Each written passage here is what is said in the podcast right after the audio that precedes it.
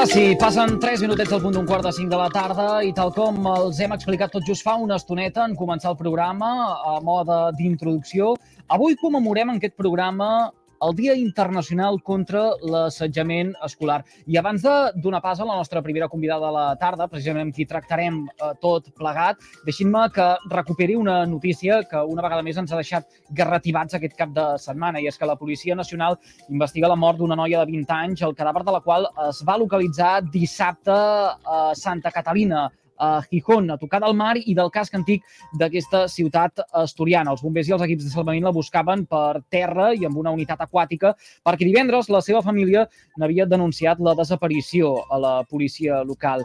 La noia havia estat alumna del Col·legi La Asunción, un centre catòlic concertat que va emetre un comunitat en què, a més de donar el condol a la família, deia que la lluita contra l'assetjament escolar està entre els seus principis fonamentals i que per aquest motiu es posava a disposició de la família i, si fos necessari, de les autoritats. Eh, això ho deia en paral·lel al fet que a les xarxes socials circulessin imatges d'una suposada carta de comiat de la noia en què denunciava haver patit bullying.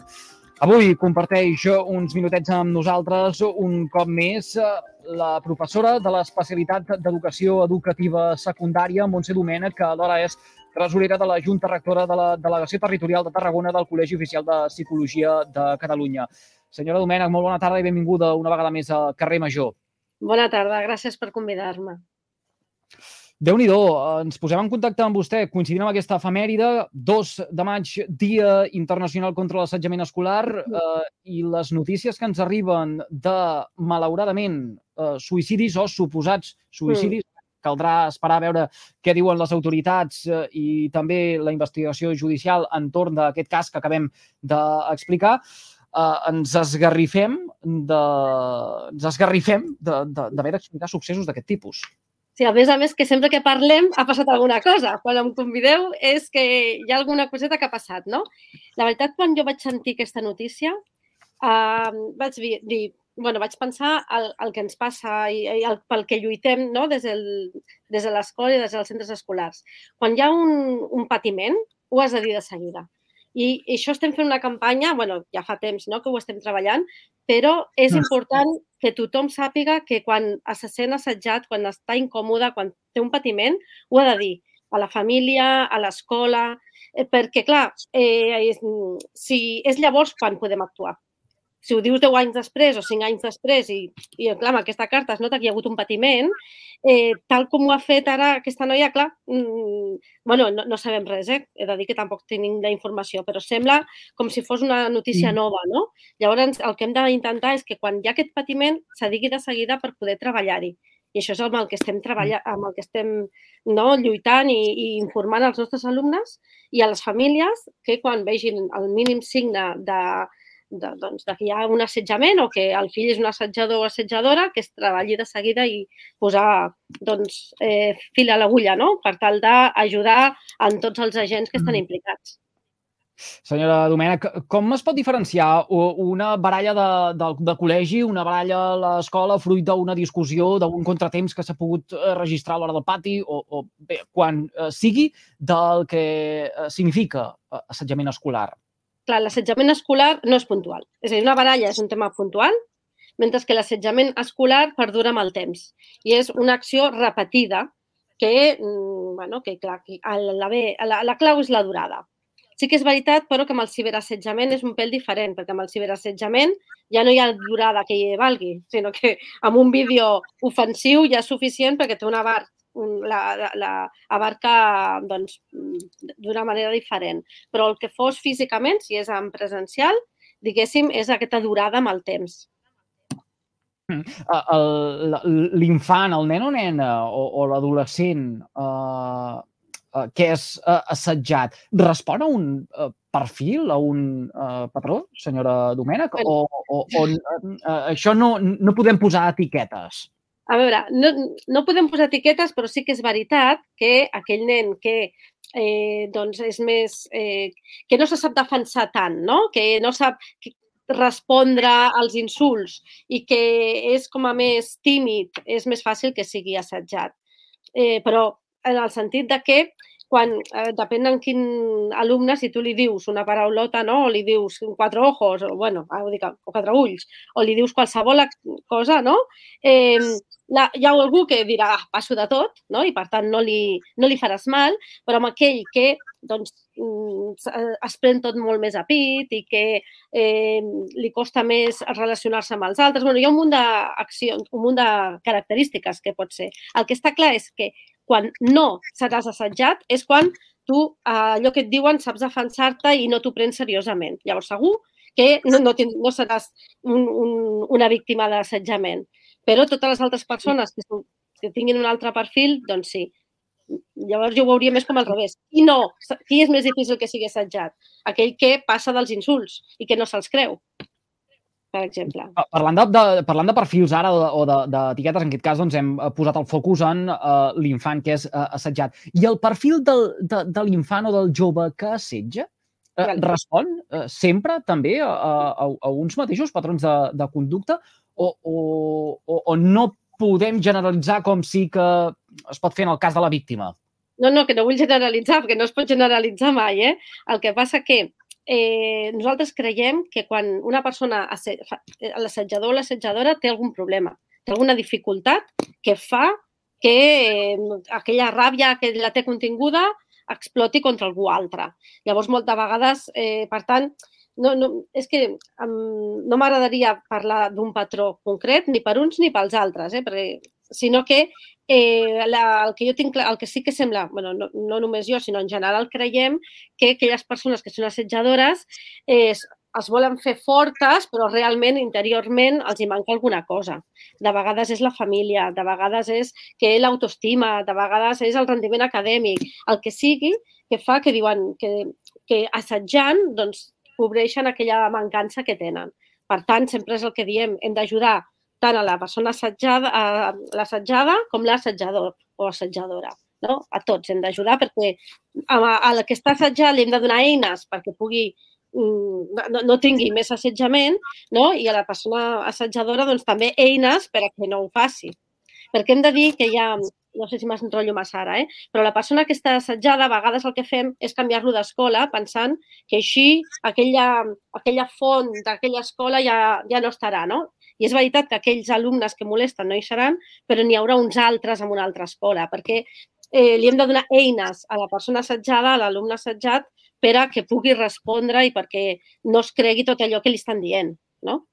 En aquest sentit, eh, professora, com hauria d'actuar la víctima per poder-se defensar? Quines serien aquestes eines a les que feia ara eh, referència? No sé si eh, hi, hi ha el vies eh, per evitar que aquest bullying, que aquest eh, assetjament continuï eh, o, fins i tot per eh, reclamar danys i prejudicis. No sé si eh, aquí hi ha també accions legals que poden emprendre les famílies clar, el de les accions legals ni idea, però un dels aspectes de les àrees que treballem sempre, i realment tant amb assetjats com assetjadors, assetjadores, eh, amb tothom, per tant, és l'autoestima.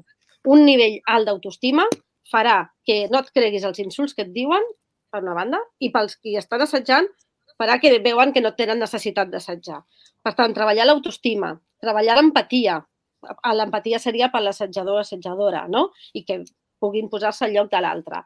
Però per tots l'autoestima és una, una àrea que s'ha de treballar, les habilitats socials, com podem relacionar-nos amb els altres i després, bueno, a, a part, tots els valors no? I llavors és important que les famílies eh, incloguin, eh, inculquin valors doncs, de, de, de bona educació no? i de treballar i de ser conscients de que els altres els hem de tractar també com ens agradaria que ens tractessin a nosaltres.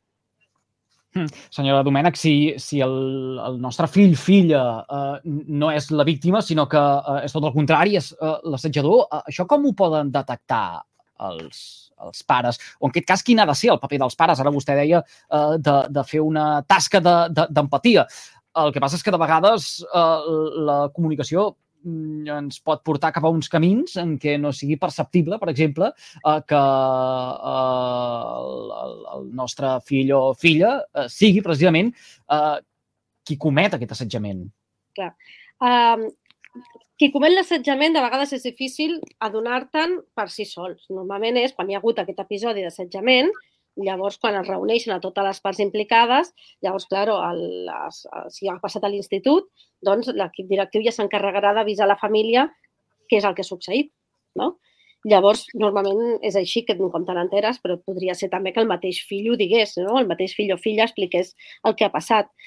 Eh, a veure, que la generalització no, no, no, no es pot fer mai, eh? però per, el que podem fer per ajudar amb aquest nen, amb aquesta nena que estan assetjant i que estan molestant, primer és que se n'adoni que està molestant, perquè de vegades els mateixos alumnes o les mate la persona que està assetjant eh, no se n'adona que està molestant a l'altre. Llavors, primer és aquest exercici de dir, veus clar què és el que ha succeït eh, i que sigui conscient de que, està, de que està fent mal a una altra persona. Aquest és el primer pas. A partir d'aquí es pot començar a treballar. Llavors, també, en funció de com respongui, doncs anirem fent unes accions o unes altres. Però llavors eh, s'ha de treballar, doncs, de vegades eh, amb, amb aquest alumne i, bueno, no només amb els alumnes, ja sabeu que sempre ho diem, el paper dels observadors. Llavors, eh, l'alumne que està assetjant, de vegades no és un, no són dos, però eh, estan, estan com alentats també per la resta d'alumnat que sap de, coneix la situació i és observadora però una mica activa de que estan ajudant a que, a que, bueno, que li estan rient les gràcies, per exemple. Llavors, és un treball grupal, és un treball amb tothom, no només amb la persona que està assetjant, mm. que òbviament és la persona principal que ha de rebre, doncs, bueno, amb, la, amb la que ens hem de d'atendre, no? juntament amb la persona assetjada. Vull dir que és, al final són tots els agents que estan participant. Eh, en relació a això que, que assenyala, eh, professora, quin és el paper, eh, en aquest cas, doncs, dels eh, centres eh, per tal d'impedir que continuï aquest assetjament? Poden aquests centres escolars establir normes de conducta eh, d'obligat compliment que frenin precisament eh, uh, aquest assetjament, aquest, aquest, aquest bullying? Primer hi ha una cosa. Jo crec, he de dir que el bullying, l'assetjament escolar, sí que està present, però no és lo habitual. Sí que és veritat que al final surten cada aquestes notícies que ens fan trontollar i dir, oi, estem fatal. A l'escola, i a primària, sobretot a secundària, jo és el que conec, sí que hi ha faltes de respecte amb el professorat. Sabem que els alumnes no es porten de meravella, eh, amb algunes eh, bueno, i després entre els companys pot haver també algun insult i alguna cosa, però és molt puntual i no és habitual que hi hagi assetjament. El que passa que, en algun cas, hi pot haver, d'acord. Quan hi és, hi ha una, un protocol que té el Departament d'Educació que fer en casos d'assetjament.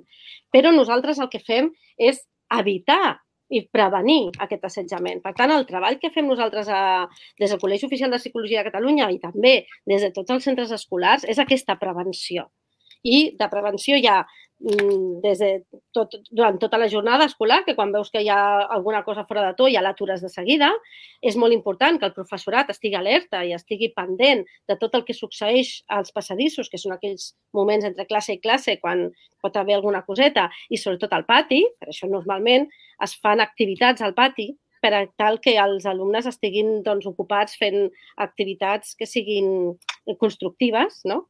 Eh, nosaltres al nostre institut fem jocs de taula, a part de l'esport, que tenim futbolín, ping-pong, bàsquet i, i futbol, fem jazz, eh, jazz dance, fem diverses activitats i això ho fan a moltes escoles que també ho coneixem, no? Hi ha biblioteca, no? Llavors ja posem els alumnes amb amb, amb activitats per tal que no hi hagi aquest, eh, moments de més baralla. I en totes les accions, en totes aquestes activitats o clubs, depèn en quina escola, eh, sempre hi ha algun, algun professor. Vull dir que el, que el que estem fent és, per una banda, que els moments aquells que és més fàcil que es barallin hi hagi algun adult i, segona, treballar dins el pla d'acció tutorial, el PAT, activitats, el que és la tutoria, activitats de uh, reforç de um, l'empatia, de les habilitats socials, de l'autoestima i després, mira, ara hi ha una campanya que deveu conèixer, la de l'Ajuntament de la Selva del Camp, que és uh, sí. que l'han fet ajuntament amb una col·legiada nostra, la Natàlia Martínez, de Contra el bullying, donem-nos la mà. És un vídeo que està, per una banda, és per adults, però també hi ha la versió d'adolescents, que és la que nosaltres posem al nostre institut i sé que també a molts altres, en el que en 3-4 minuts es diuen frases molt, molt clares de, de què fer contra el bullying. No? Llavors, aquests vídeos es passen a la classe de, o de tutoria o en alguna altra hora i es, es treballa, es fa un treball de reflexió. Llavors, és així com treballem aquesta prevenció. No? Per exemple, més coses, que no enrotllar-me. Uh, senyora Domènech, avui mentre em preparava aquesta, aquesta uh, entrevista, llegia que a Finlàndia, la majoria d'escoles, uh, s'ha implantat un mètode que es diu uh, Kiva, uh, que uh, diuen que és molt eficaç per uh, poder prevenir aquesta violència tant dins com uh, fora dels centres i que el que busca és mostrar l'empatia de possibles testimonis perquè no riguin les gràcies d'aquest assetjador i puguin denunciar els casos de manera anònima. Uh, això funcionaria? Uh, aquest sistema funcionaria? Es podria aplicar bueno, Sí, no ho coneixia, eh? però aquesta és la idea de l'observador que estem dient. No? De l'observador de dir, si tu eh, observes que algú s'està rient de l'altre o que està molestant a l'altre, si us plau, digue-ho. I, eh, I també amb aquests vídeos, però també ho estem dient ja des de fa temps, això no vol dir que siguis un xivato, no? no perquè moltes vegades hi ha aquesta idea, ai, és que si jo estic dient que ha passat això, ara em diran que jo eh, dic el que no toca. No, no, no. Quan tu veus patiment, has, has d'avisar. Per tant, és aquesta importància de la figura de l'observador, que això ho estem treballant, no cal Finlàndia, aquí ja es fa. Mm, sí, mm. eh, les bústies anònimes també estan, vull dir, això depèn de cada centre, però és també habitual que hi hagi una bústia amb el lloc que de vegades és a la classe, de vegades és a prop de l'equip directiu, de secretaria, el que sigui, en el que és de convivència o de noves bones pràctiques, el que sigui, cada nen pot dir el, el que ell vegi, no? O de vegades quan hi ha un mm. incident, quan hi ha un incident important, sí que es fa escriure a tothom què és el que ha vist, és de forma anònima i que expliqui la seva versió. Llavors, no és una cosa nova el que tu m'expliques. No coneixia, eh, això del Kiva, però és uh, la importància de l'observador. És, és vital. Uh, Uh, abans vostè feia referència al fet que a dia d'avui hi hagi persones adultes que reconeguin que també van patir uh, assetjament a l'escola o en altres àmbits de la seva infància o uh, adolescència.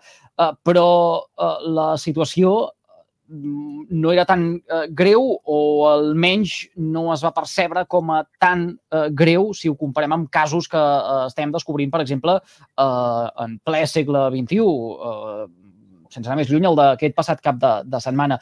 Uh, per què creuen uh, vostès, els uh, experts, senyora Domena, que ara les víctimes ho, ho passin pitjor fins al punt que s'arribin a, a suïcidar. És que hi ha més crueltat, és que les noves tecnologies aquí juguen un paper que potser uns anys darrere no es contemplàvem, és que els assetjadors són uh, més persistents o els afectats són mm, més dèbils, hi ha menys resposta? Jo primer no estic segura la, de la premissa inicial. No estic segura que ara hi hagi més assetjament penso que eh, abans, quan passava alguna cosa, algun suïcidi, estava, estava molt tapat i no te n'adonaves. Llavors, no et puc assegurar que hi hagi més, més assetjament. Eh, però, um, si, per, per què el que ens hem de plantejar, perquè hi ha casos, no? perquè no n'hi no hauria d'haver. Però sí que he de dir que i el que em preocupa no és tant aquest assetjament del físic o del tu a tu dels insults que crec que més o menys es poden, es poden veure, es poden detectar i es poden prevenir millor, si no és el ciberassetjament. I el ciberassetjament sí que és un problemon, és un problema majúscula. Eh, perquè els infants tenen mòbil molt abans del que ja sabem que s'ha de tenir. És a dir, una edat que jo veuria com més o menys bé i està allunyada de la realitat són els 14 i veig que encara és un pèl aviat. Jo els posaria als 16, però vale. Als 14 seria una edat que més o menys podríem acceptar com que l'infant, bueno, l'adolescent sap manegar-se o pod podria aprendre a fer un bon ús de la tecnologia a les xarxes socials.